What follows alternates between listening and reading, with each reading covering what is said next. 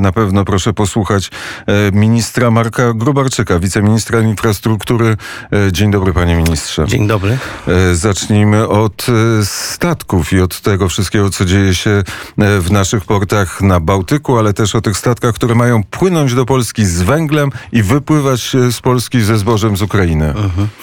No tak, to jest niezwykle trudny rok, niezwykle duże wyzwanie dla nas, żeby podołać tym wszystkim zapotrzebowaniom, które się dzisiaj dzieją. Oczywiście pierwsza spowodowana no, tragedią e, na e, Ukrainie, druga wynikającego z tymi konsekwencjami.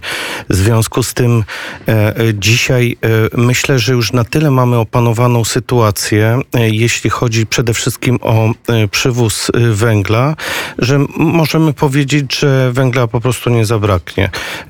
To, co udało się stworzyć, zresztą Zresztą e, podnieśliśmy w bardzo szybkim tempie e, zdolności e, przewozowe, przeładunkowe portów. Także dodatkowe 4,5 miliona, która jest ponad oczywiście zakontraktowaną ilość już w tym roku wpłynie do Polski. To też jest ogromna zasługa operatorów, którzy dzisiaj stanęli na wysokości zadania i po prostu zrealizują te przeładunki.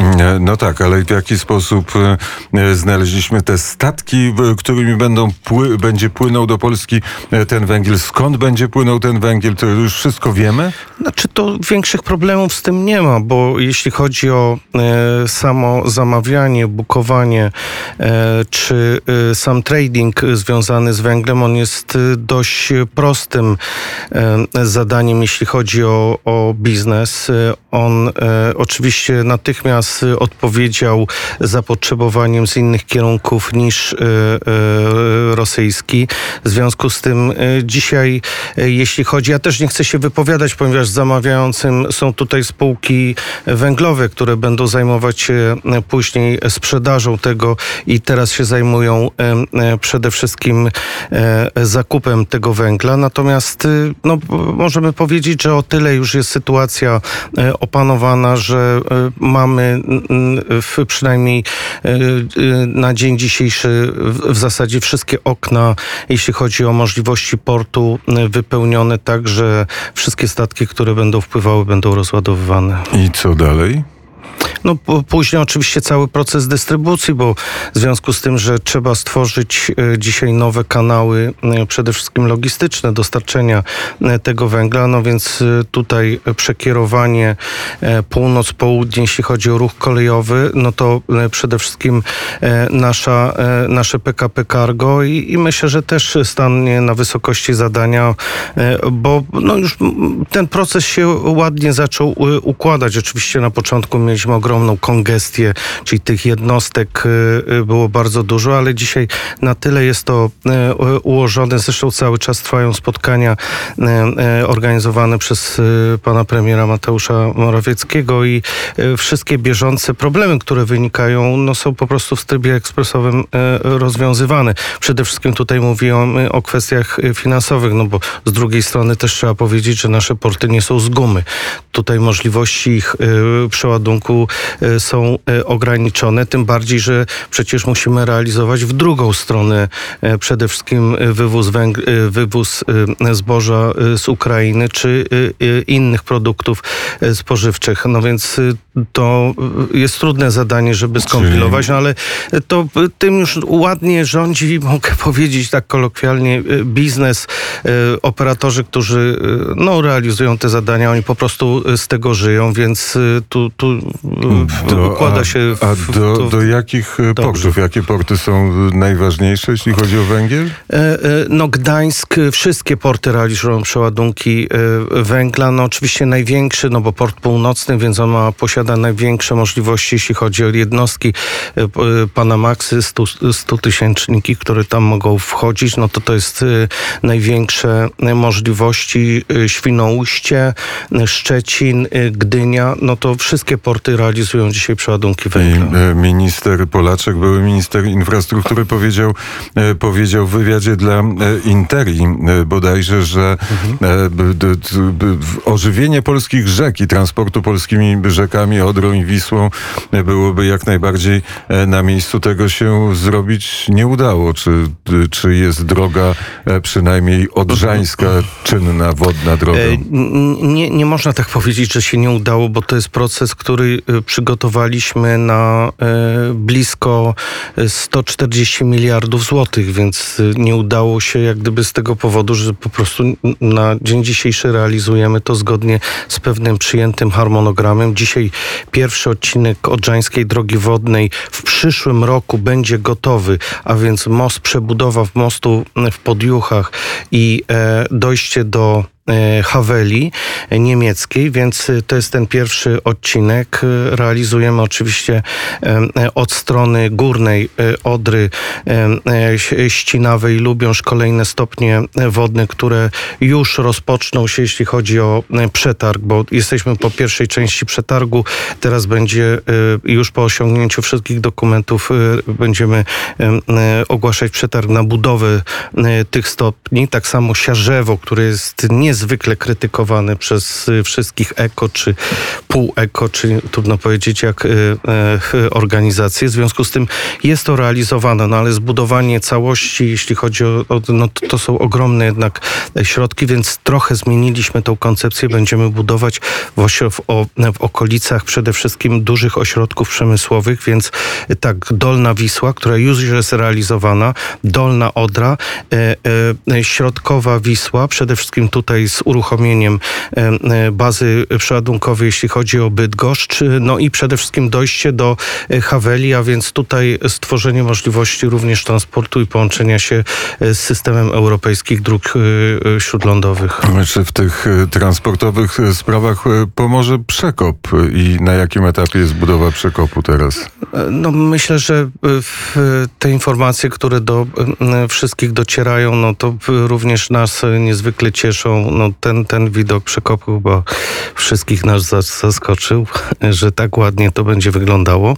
Ale dla, dlatego 17 nic się nie zmieniło. 17 września będzie otwarcie, więc serdecznie zapraszamy również Radio Wnet e, e, na to e, otwarcie.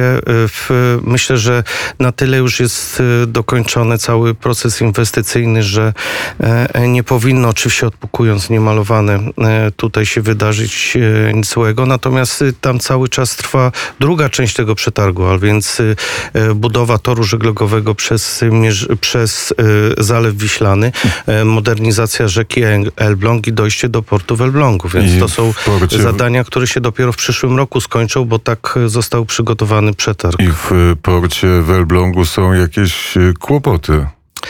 Czy to chyba normalne, bo to jest port komunalny, więc y, y, y, zarządzany przez miasto, e, które nie bardzo sobie radzi z tym zadaniem, oczywiście zrzucając tam winę e, na obok wie kogo. No my mamy bardzo prosty program inwestycyjny.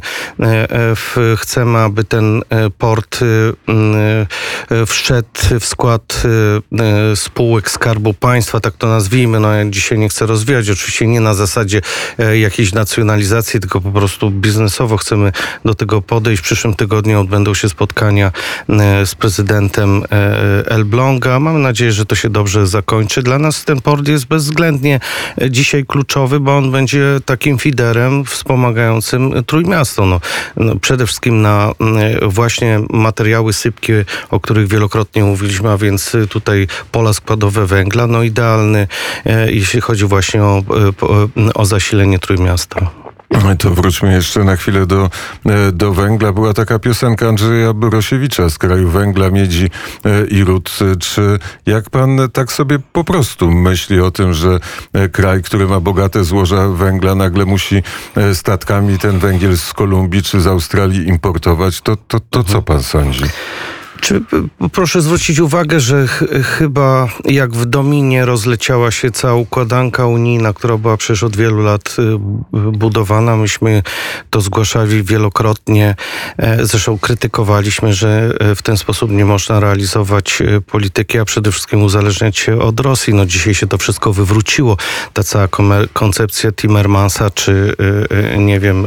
Ale, ale sam Timmermans po- o tym nie wie, że się wywróciła, bo konsekwentnie chce realizować. Znaczy, myślę, że już tylko w formie werbalnej, bo y, w to, co dowiadujemy się z poszczególnych rad, y, spotkań e, ministrów, y, coraz więcej krajów już deklaruje, że będzie rozwijał przemysł y, węglowy i wracało do niego y, bezwzględnie. To jest oczywiście bezpieczeństwo. No, proszę zwrócić będzie uwagę. wracać, te kopalnie, które z takim trudem były zamykane, będą z powrotem otwierane, te E, szyby, które były e, zasypywane, będą teraz odkopywane. Jak to będzie wyglądać? Znaczy, ja, no właśnie, może.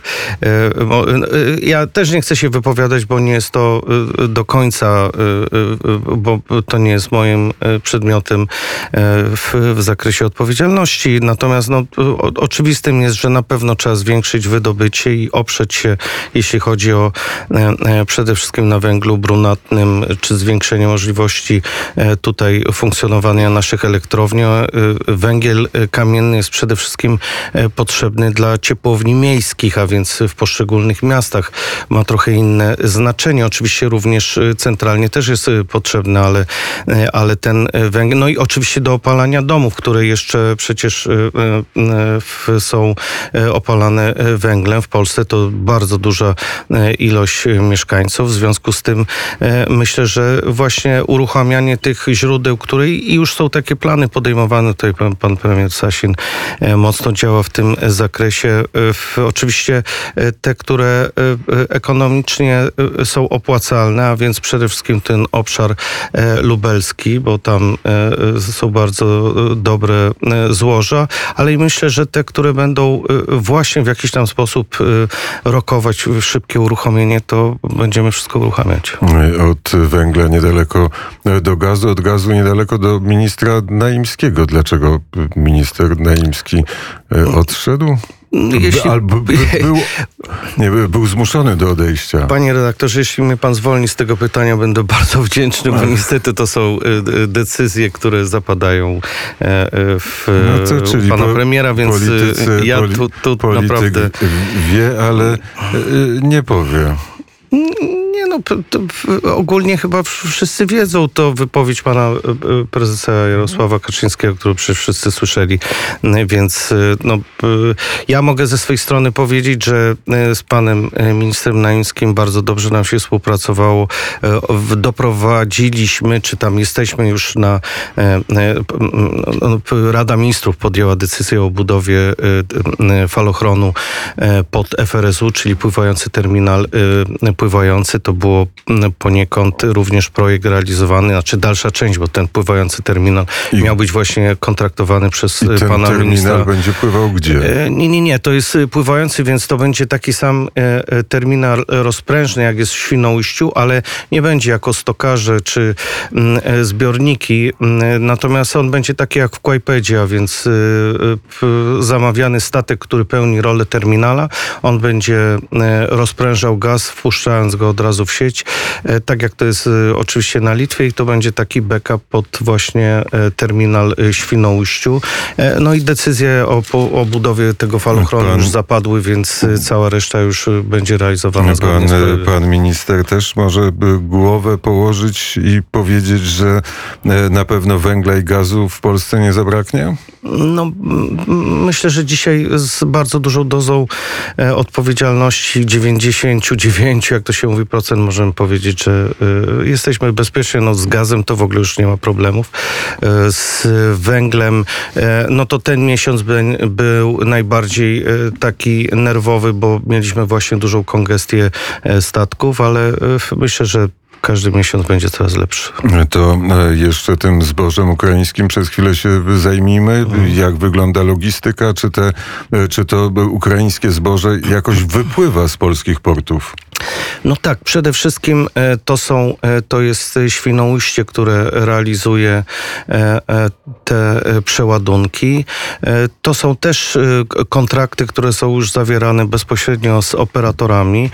Wcześniej z tych zapowiedzi strony ukraińskiej tak do końca niewiele wynikało, bo, oczywiście tu trzeba, potrzebny jest kontrakt, zobowiązania formalno-prawne, a przede wszystkim pieniądze, które się tutaj przecież pojawiają za pewnego rodzaju usługi. No dzisiaj ma, e, e, na tyle jest ten temat, e, myślę, już rozwiązany, że operatorzy mają stałe kontakty ze spedycją ukraińską i to już po prostu płynie w sposób taki ciągły. To e, jeszcze pytanie od Łukasza Jankowskiego. On lubi szczegóły. Ile właściwie statków pły- przypłynie i jaki to będzie ruch? Jeden statek na dobę, czy jeden na tydzień? No nie, nie, nie, to jest... Mówimy o węglu. Oczywiście. Znaczy, y, w związku z tym, że nasze porty mają różne możliwości, bo jak powiedziałem, port północny, ten, który jest najważniejszy, 100 tysięczniki, więc rozładowanie tego 100 tysięcznika to y, trochę y, trwa, E, a poza tym to musi być od razu skompilowane z wywozem kolejowym. E, Dlatego też i 100 tyś- tu 100 tysięczniki, i Świnoujście 70 tysięczniki, i port Gdańsk eksploatacja 50 y, tysięczniki, i y, Balcargo Szczecin 30 tysięczniki, i nabrzeża, które uruchomiliśmy na 5 tysięczniki i 6 tysięczniki, czy 10 tysięczniki samowyładowawcze, które po prostu tutaj mamy bardzo dużo okien i możliwości rozładunkowych, w związku z tym wszystko jest podzielone jak gdyby w taką siatkę Około, związaną około, z, około 100 statków musi przypłynąć. y, no, tak sobie z grubsza policzyłem. jeśli, a o, jak, o jakiej ilości mówimy No, węgla? e, No, No, o 5, około- 5 milionach ton. No pięciu, no my potrzebujemy, na ten rok jest zakontraktowane 10 milionów, zwiększyliśmy do 4, czyli 14,5 miliona i tak to zostało ułożone, że e, żeby nam się 300 to połączyło. Znaczy e, e, 300, 100 tysięczników, e, no to mamy czy 30 milionów. Ale nie, bo jest, tam 50, 30, no, no, to właśnie, 200, więc to jest 200 w różnych, w różnych Będzie kompilacjach. korek.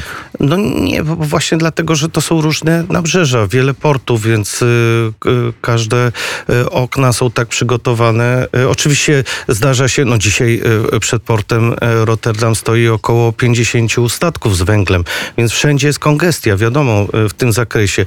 No ale myślę, że w kilkudniowe tam, gdyby były opóźnienia, to w zasadzie o tym możemy mówić, nie na pewno takim, takiej właśnie blokadzie, jak, jak to jest na Araru. No, myślę, że to zostało, właśnie to było najtrudniejsze, żeby na tyle poukładać e, te wolne moce, a przede wszystkim zwiększyć możliwości przeładunkowe. No dzisiaj zwiększyliśmy naprawdę o te wszystkie e, możliwe, e, przede wszystkim o te mo- możliwe nabrzeża, które do tej pory nie były wykorzystane i tutaj ogromne podziękowania przede wszystkim dla operatorów i zarządów portów, które świetnie poradziły sobie z tym. E, Czyli nie, nie będzie wielkich portów. To na koniec, panie ministrze, pytanie o porozumienie Mhm. z portem w Baku. O co chodzi? No, w, okazuje się, że e, widzimy w tym, a przede wszystkim jeśli chodzi o Port Gdańsk, tutaj e, możliwość e, bardzo dobrej współpracy. Te rozmowy już od bardzo dawna trwały.